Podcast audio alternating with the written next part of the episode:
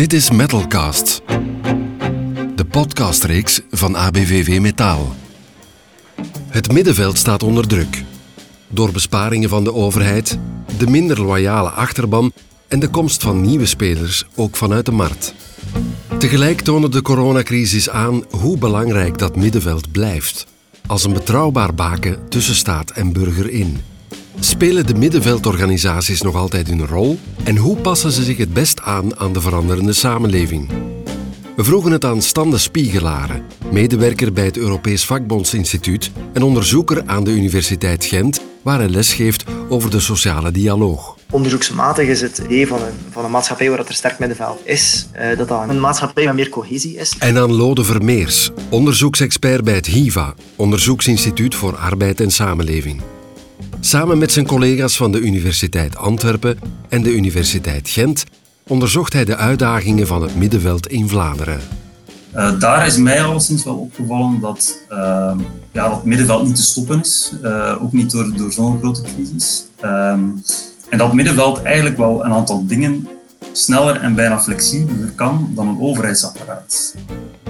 De vraag naar het onderzoek waaraan Lode Vermeers werkte kwam van de Verenigde Verenigingen, een netwerk van middenveldorganisaties.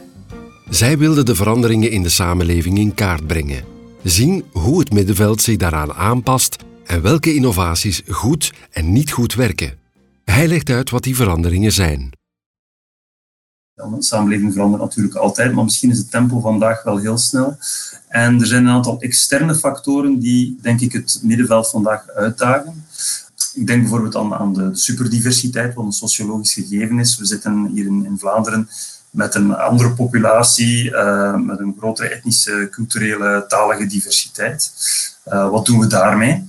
Hoe gaan we daar als middenveld mee om? Maar ook hoe kapselen we dat in, in die civiele samenleving? Uh, digitalisering, ik denk dat dat heel sterk naar voren kwam nu ook met de coronacrisis. Van op welke manier gaan we ons verenigen ook op dat internet? en er zijn natuurlijk een aantal marktspelers, de sociale media, Poplar enzovoort, die dat sowieso al doen. Hoe verhouden we ons daartegen? Is dat een manier om ons te verenigen, dat digitale?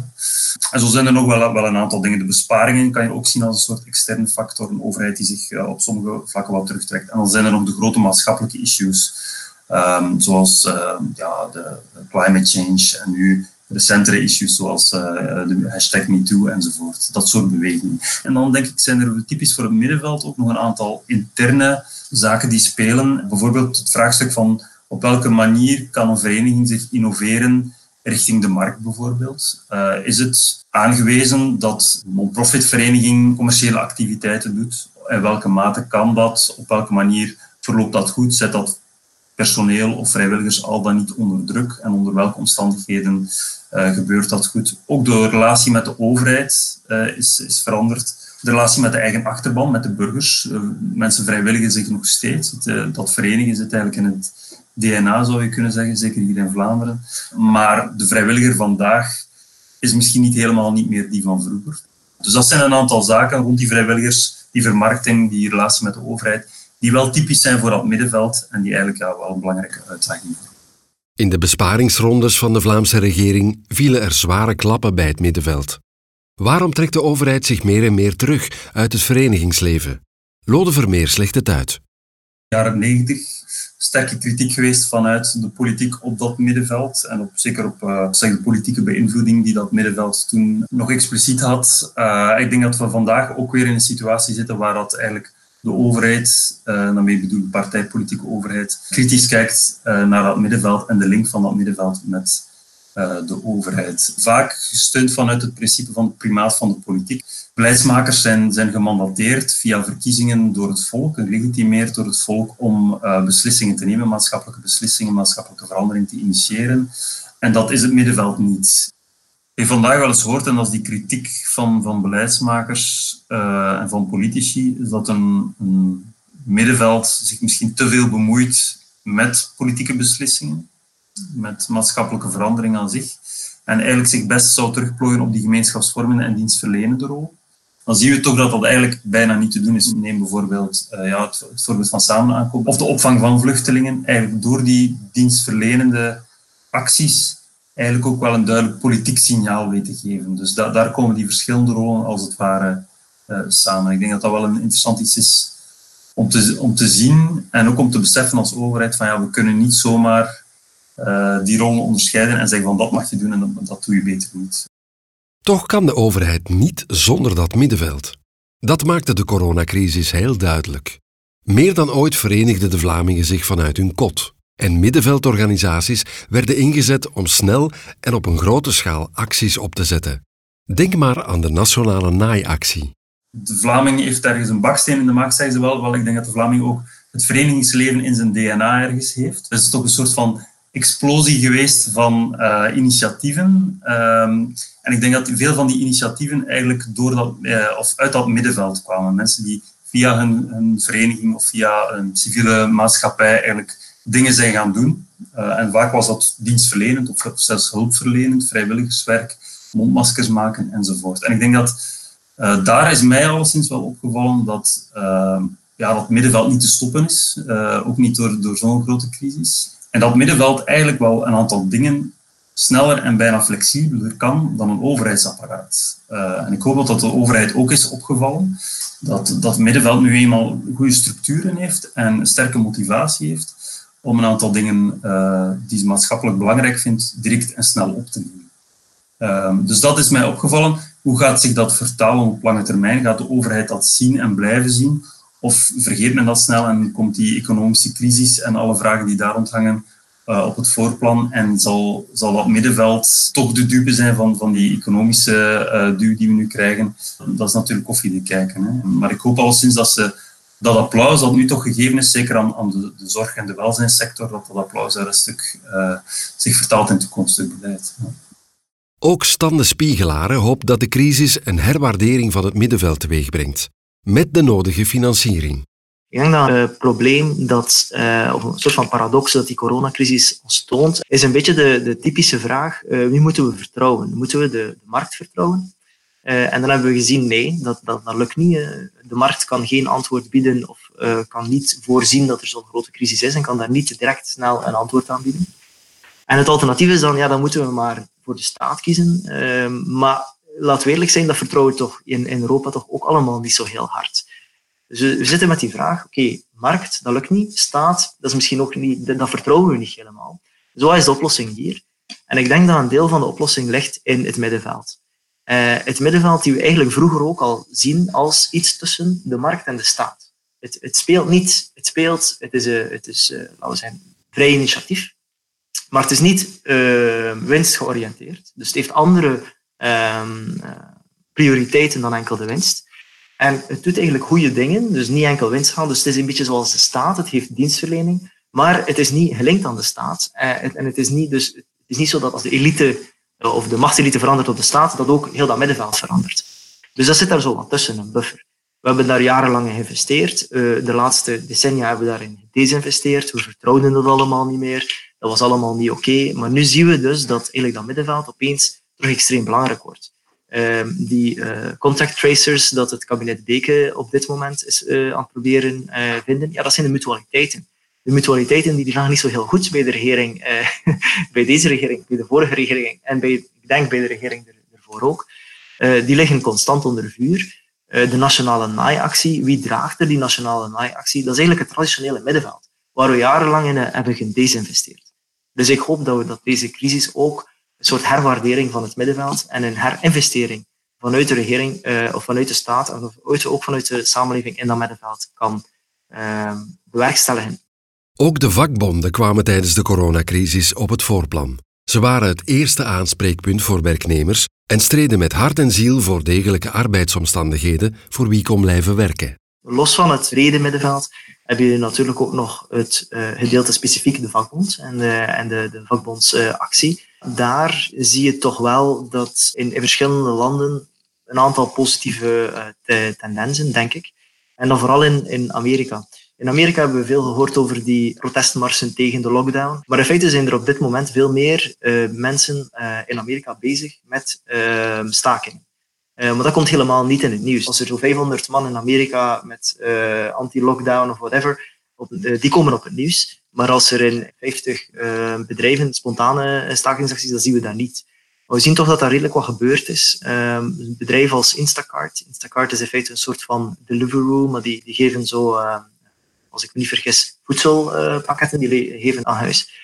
Uh, die zijn geboomd natuurlijk tijdens de coronacrisis. En daar is er ook een, duidelijke staking geweest. En daar hebben ze toch wel redelijk wat kunnen uh, binnenkrijgen. Ja, en bijvoorbeeld ook in de bouw in, uh, in Amerika zijn er een aantal acties geweest om dus de veiligheid en gezondheid op het werk te verbeteren.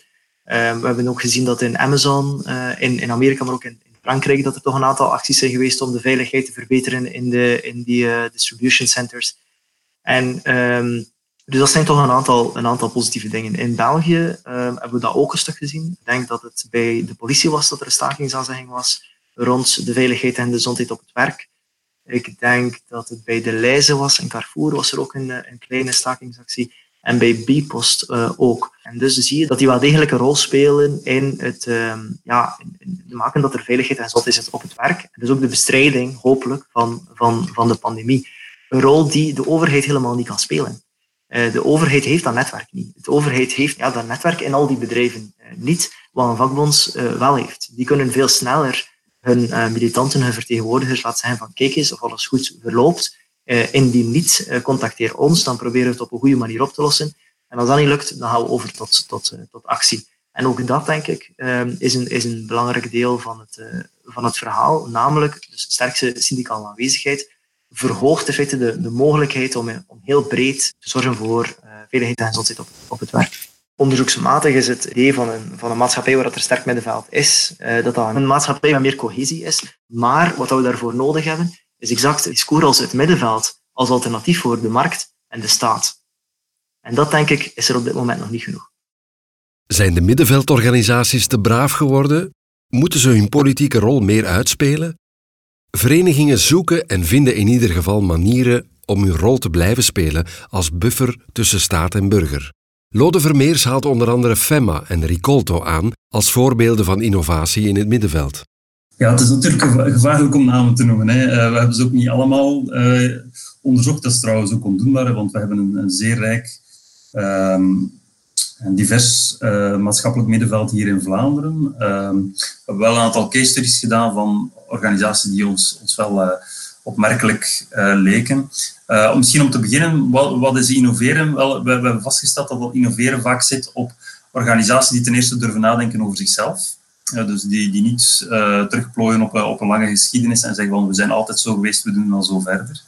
Dat is één. En twee, die innovatie zit vaak op het spanningsveld naar die verschillende andere polen toe. En daarmee bedoel ik, uh, als je het middenveld plaatst tussen de markt, de overheid en de individuele burger, ja, die interessante innovaties gebeuren daar waar een middenveld bijvoorbeeld durft te verkennen op welke manier kunnen we samenwerken met de markt of met de overheid. Neem bijvoorbeeld energiecoöperaties of de opvang van vluchtelingen.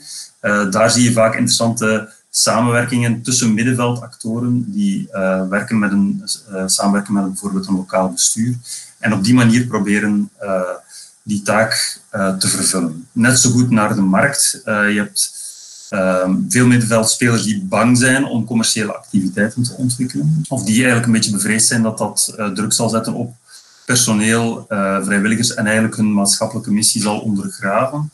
maar je ziet daar toch ook wel, ook daar, interessante samenwerkingen plaatsvinden. dus ik denk dat je het in die hoek moet zoeken en ook naar rond maatschappelijke issues in het algemeen ja, zie, zie je daar een aantal interessante dingen gebeuren. Bijvoorbeeld FEMA is een organisatie die we verschillende manieren hebben onderzocht, die eigenlijk uh, zowel innovatief is naar de organisatie zelf toe en de manier waarop ze met haar vrijwilligers omgaat, met haar afdelingen en groepen omgaat, maar ook naar maatschappelijke issues toe. En bijvoorbeeld die politieke rol wel durft op te nemen, bijvoorbeeld door de 30 uur werkweek Ricolto is ook een, een, een uh, voorgekomen, dus vroegere Vredeseilanden, is een interessante organisatie in de NGO-sector, waar ons de vernieuwing is opgevallen, de interne vernieuwing van een organisatie die nadenkt over haar missie en haar missie heeft vernieuwd en op basis daarvan ook haar organisatiestructuur heeft vernieuwd. En eigenlijk van een typische piramidale middenveldstructuur, met een centrale raad van bestuur en afdelingen en groepen die daar als een soort van piramidestructuur onder zitten naar een netwerkstructuur. En dat is ook wel, ik denk dat die organisatie op dat vlak ook wel een voorloper is. En dan heb je ook nog inhoudelijke vernieuwingen, bijvoorbeeld digitalisering, iets wat ik daarnet vernoemde als een maatschappelijke uitdaging. En dan zie je dat er ook nieuwe types van verenigingen ontstaan. Hè. Zoals Coderdoyo Belgium hebben we onderzocht, kleine verenigingen die zich vooral inzetten op jongeren die, ehm, en, en, vrijwilligers die elkaar leren programmeren. Ehm, dus ook daar op dat thematische vlak zie je ook wel verandering plaatsvinden. Welke stappen moet het middenveld nu zetten? Ik denk dat eerst en vooral moet het middenveld zich ook weer herorganiseren, beter organiseren en daarna rustig aan hun plaats uh, opeisen in de, in, in, de maatschappij. De vergelijking is perfect te maken met een, uh, met een syndicale structuur in een bedrijf. Je moet eigenlijk jarenlang investeren in sociaal overleg, in een, in een, in een, um, in een, in een ondernemingsraad, eh, in een delegatie, dus dit dat bedrijf goed gaat. En dan denk je vaak, goh, is dat die investering wel waard? Kunnen we dat niet gewoon met een mail doen? Kunnen we dat niet gewoon met een, met een, met een, met een survey doen? Maar op het moment dat het slecht gaat, op het moment dat, dat, er, dat er een crisis is, dat er herstructurering is, dan heb je die, die, die bestaande structuur nodig om direct in actie te schieten, direct uh, te, kunnen, uh, te kunnen schakelen, sociaal plan te onderhandelen. En dan zie je dus dat die structuur dat je jarenlang in leven hebt gehouden, hè, tegen beter weten in soms, dat die opeens rendeert. En op wat dat er werkt in de bedrijven, werkt volgens mij ook uh, maatschappelijk. Op het einde van het boek, dat zul je zien, hadden we een pleidooi voor actieve subsidiariteit, dus voor een sterk band tussen de subsidierende overheid en, uh, en dat middenveld. Een band die verder gaat dan een overheid die middelen geeft en zich voor de rest niets van die sector aantrekt, maar eigenlijk bewust middelen geeft om net die dingen die zij belangrijk vindt um, samen met het middenveld te bespreken en op te nemen. En voor het middenveld hadden we bijvoorbeeld een pleidooi voor een systeemspeler. Uh, er zit heel veel kennis, uh, zo hebben we vastgesteld, in dat middenveld. Dat die kennis zit ook vaak verspreid over die verschillende groepen en afdelingen en noem maar op. Um, en is ook fragiel. Hè. Dus een afdeling die stopt in een bepaalde gemeente, ja, daar is altijd wat kennis en expertise die verloren gaat. Wij houden een pleidooi voor een soort collectief geheugen, een georganiseerde uh, expertise uh, binnen dat middenveld. Dus dat zijn een aantal suggesties die we dan in dat boek verder uh, hebben uitgevoerd. We gaan het boek lanceren dit najaar, dus het moet af zijn tegen september. En dat boek gaat uh, middenveld tussen aanval en verdediging, of tussen verdediging en aanval noemen. Dus ik denk dat dat ook wel een stukje de positie weergeeft van dat middenveld, uh, vaak verguisd, ook door de overheid, uh, maar toch zeer veerkrachtig, ook zelfs in, in crisistijden. En zeer ambitieus ook in het waarmaken van die rol. Dus ik hoop dat dat ook wel de politici appelleert.